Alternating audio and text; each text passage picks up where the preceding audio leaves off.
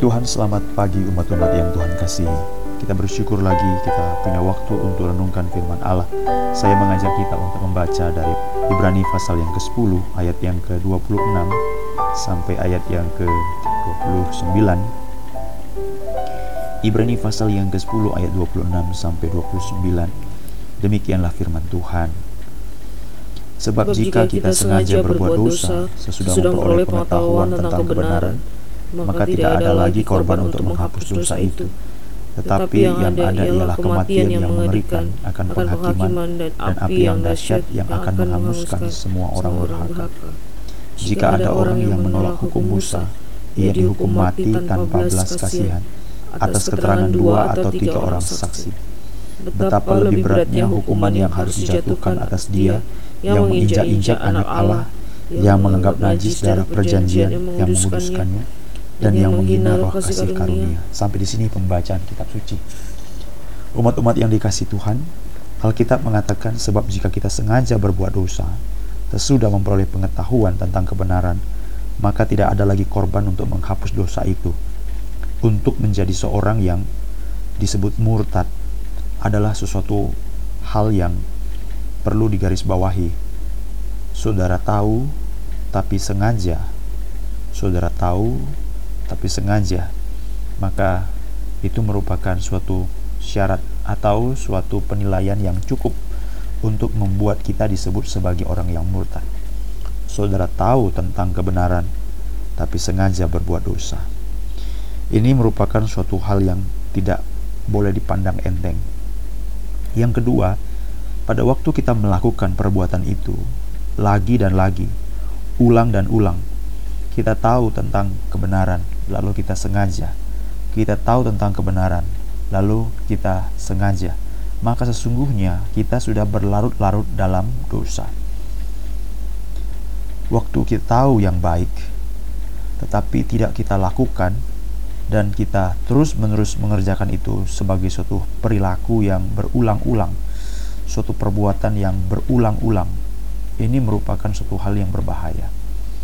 Itu sebabnya kita harus waspada, kita harus mengerti siapa diri, siapa kita di hadapan Allah, dan sebenarnya bagaimana kita bergumul untuk melakukan segala sesuatu yang benar di mata Tuhan. Itu sebabnya Bapak Ibu Saudara-saudara dikasih Tuhan, jangan kita menjadi orang yang sembarangan, jangan kita menjadi orang yang abai, jangan kita menjadi orang yang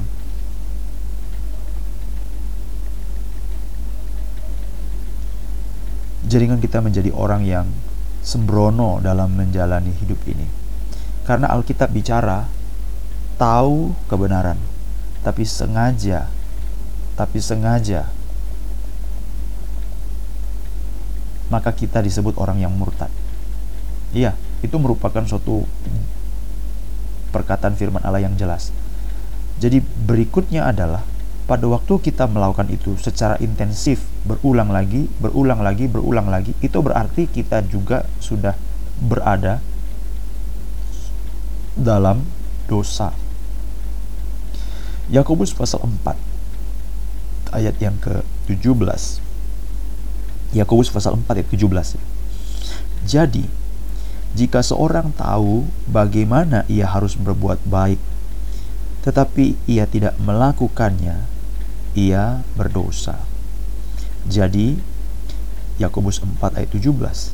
Jika seorang tahu bagaimana ia harus berbuat baik, tetapi ia tidak melakukannya, ia berdosa. Saudara boleh memikirkan kalimat ini. Mungkin kita mengatakan, "Saya tahu kebenaran, lalu saya sengaja berbuat dosa atau sengaja melawan pengetahuan kebenaran itu." Yaitu kan namanya kehilafan Itulah yang saya sebut pada bagian kedua tadi. Jika saudara melakukan perbuatan itu lagi dan lagi, ulang dan ulang, atau dalam bentuk yang lain dalam bentuk yang lain, ini kita sedang masuk kepada tahap yang ketiga, yaitu apa? Kita disebut menghujat Roh Kudus. Itulah sebabnya murtad itu adalah suatu pekerjaan, suatu perbuatan, suatu keadaan di mana kita menghujat Roh Kudus. Karena apa? Karena Alkitab berkata tidak ada lagi korban untuk menghapus dosa itu. tidak ada lagi korban untuk menghapus dosa itu. Orang yang menghujat Roh Kudus adalah orang yang mengakumulasikan dirinya dalam dosa yang intens, berulang-ulang, berulang-ulang. Iya, ini merupakan hal yang penting untuk kita renungkan karena pada waktu kita dimulai dari pertama, saudara tahu kebenaran, lalu saudara sengaja. Saudara tahu kebenaran, saudara dengan sengaja berbuat dosa, ini pertama. Mungkin kita berkata hilaf, tetapi kalau saudara lakukan itu berulang, berulang, berulang, Yakobus 4 ayat 17 mengatakan, engkau sedang melakukan dosa yang berulang-ulang, itu namanya kan berlarut-larut dalam dosa. Dan kalau itu terus-menerus terjadi dalam satu bentuk yang sama atau berbagai bentuk yang berbeda-beda, maka kita orang yang berlarut dalam dosa itu adalah orang yang menghujat Roh Kudus. Markus pasal 3 ayat yang ke-28 Aku berkata kepadamu sesungguhnya semua dosa dan hujat anak-anak manusia akan diampuni. Ya, semua hujat yang mereka ucapkan. Tetapi Markus 3:29 apabila seorang menghujat Roh Kudus ini perbedaannya, saudara-saudara. Apabila seorang menghujat Roh Kudus, ia tidak mendapat ampun selama-lamanya. Kenapa? Dia bersalah karena berbuat dosa kekal. Saudara boleh garis bawah itu ya, dosa kekal. Jadi ini merupakan satu sifat daripada dosa yang ada dalam diri kita, perbuatan dosa yang kita lakukan, akumulasi dalam berbagai bentuk dan variasi itu kan menunjukkan sesuatu yang tidak pernah bisa dibereskan. Nah, pertanyaannya, apakah kuasa Tuhan tidak bisa membereskan? Bukankah Tuhan tidak mengampuni? Dia kan sanggup mengampuni. Tadi sudah kita baca. Di situ bukan karena kuasa Tuhan yang tidak mengampuni, tetapi kita itu berada pada situasi telah menghina, mengabaikan pekerjaan Roh Kudus. Jadi Markus pasal 3 28 29 saya ulang baca ayat 29 tetapi apabila seorang menghujat Roh Kudus menghujat Roh Kudus ia tidak mendapat ampun selama-lamanya. Melainkan bersalah karena berbuat dosa kekal menghujat Roh Kudus menghina Roh Kudus. Kalau kita baca dalam Ibrani pasal yang ke-10 ayat yang ke-28 29 jika ada orang yang menolak hukum Musa ia dihukum mati tanpa belas kasih betapa lebih beratnya lagi hukuman yang harus dijatuhkan atas dia yang menginjak-injak anak Allah, yang menganggap najis darah perjanjian yang menguduskannya, dan yang menghina roh kasih karunia, menghujat roh kudus, itu menghina roh kasih karunia. Dalam apa hubungannya dengan dosa? Alkitab mengatakan bahwa pada waktu roh kudus hadir dalam diri seseorang, maka orang tersebut akan diinsafkan akan dosa jadi kita tahu bahwa itu dosa, pekerjaan siapa? Pekerjaan Roh Kudus. Tetapi sudah tahu Roh Kudus bilang itu dosa, jangan buat.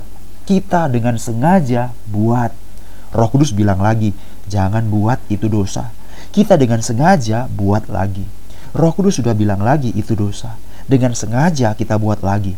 Berulang-ulang dosa itu berulang-ulang, dosa itu berulang-ulang. Dan dosa lagi ber, berbagai bentuk, berbagai bentuk. Itu berarti pengetahuan kebenaran yang sudah kita terima itu sudah kita injak. Darah perjanjian yang menguduskan itu kita injak. Dan roh kudus yang ulang-ulang insafkan, insafkan, insafkan, kita tidak dengarkan. Itulah bukti nyata. Bukan karena roh kudus yang kurang kuasa untuk menyucikan dan mengampuni. Tetapi apabila engkau telah melakukannya berulang-ulang dan dalam berbagai bentuk, itu berarti tidak ada lagi gunanya. Engkau telah menghujat Roh Kudus. Itulah orang yang murtad, itulah orang yang memang tidak diselamatkan lagi, itulah orang yang disebut dengan menghujat Roh Kudus, menghina roh kasih karunia. Jadi saudara-saudara, ini bukan perkara mudah atau perkara enteng atau perkara ringan, karena ini sebenarnya bisa terjadi dalam diri kita setiap waktu. Kalau kita berbicara tentang surat Ibrani, mungkin kita akan berkata, dan ini merupakan highlight gambaran yang jelas. Orang Ibrani pada waktu dia berbalik disebut murtad, dia bukan menyembah berhala, saudara-saudara. Karena itu adalah isu yang berbeda pada waktu mereka sebelum pembuangan dengan sesudah pembuangan. Sebelum pembuangan, maka masalah besar daripada orang-orang Israel, orang Ibrani adalah penyembah berhala.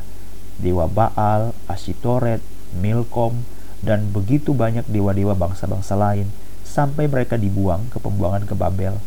Tetapi setelah pembuangan baik oleh ke Asyur, baik oleh ke Babel, maka tidak ada lagi isu tentang penyembahan berhala. Itu sebabnya kita lihat dalam Alkitab itu berbeda sekali. Yang dikecam oleh para nabi-nabi dalam perjanjian lama adalah penyembahan berhala, penyembahan berhala, penyembahan berhala. Tapi pada zaman perjanjian baru, kita tidak menemukan bahwa Yesus menegur orang-orang Israel karena mereka menyembah berhala. Tidak ada penyembahan berhala, tidak ada penyembahan kepada patung. Yang terjadi adalah penyembahan berhala bukan fisik, tapi berhala rohani. Yang disinggung dalam surat Kolose jadi faktanya kalau kita bicara tentang Ibrani, surat Ibrani, orang Ibrani dalam perjanjian baru, waktu mereka disebut murtad, mereka bukan sembah patung, mereka tidak menyembah fisik patung, mereka tidak menyembah berhala secara fisik.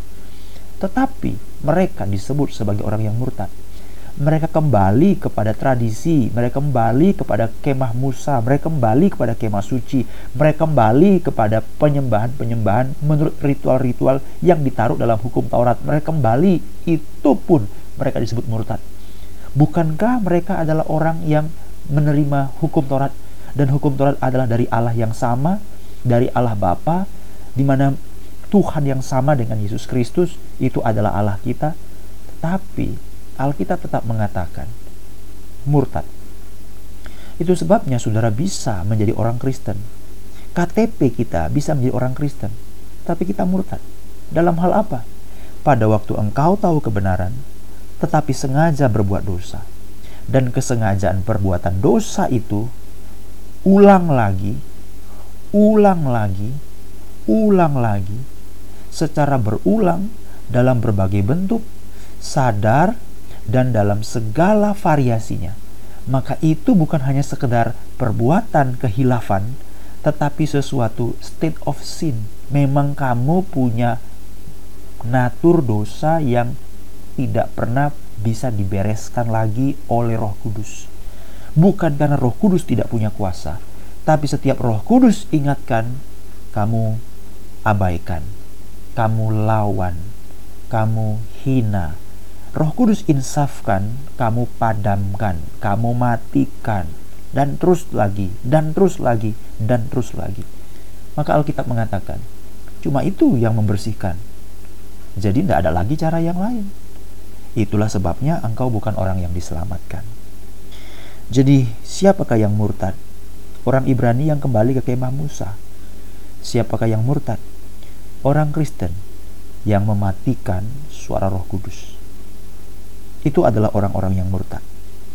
Itu sebabnya Alkitab mengatakan dengan sangat jelas sekali.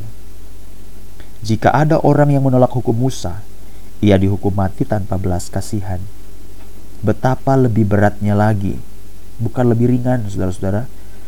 Betapa lebih beratnya lagi hukuman yang harus dijatuhkan atas dia yang menginjak-injak anak Allah, menganggap najis darah perjanjian yang menguduskan, dan yang menghina roh kasih karunia.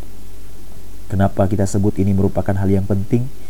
Alkitab mengatakan, menginjak-injak anak Allah, Yesus Kristus, menganggap najis darah perjanjian, pengudusan oleh darah Yesus satu kali untuk selamanya, tapi pekerjaan roh kudus berulang kali untuk menginsafkan saudara.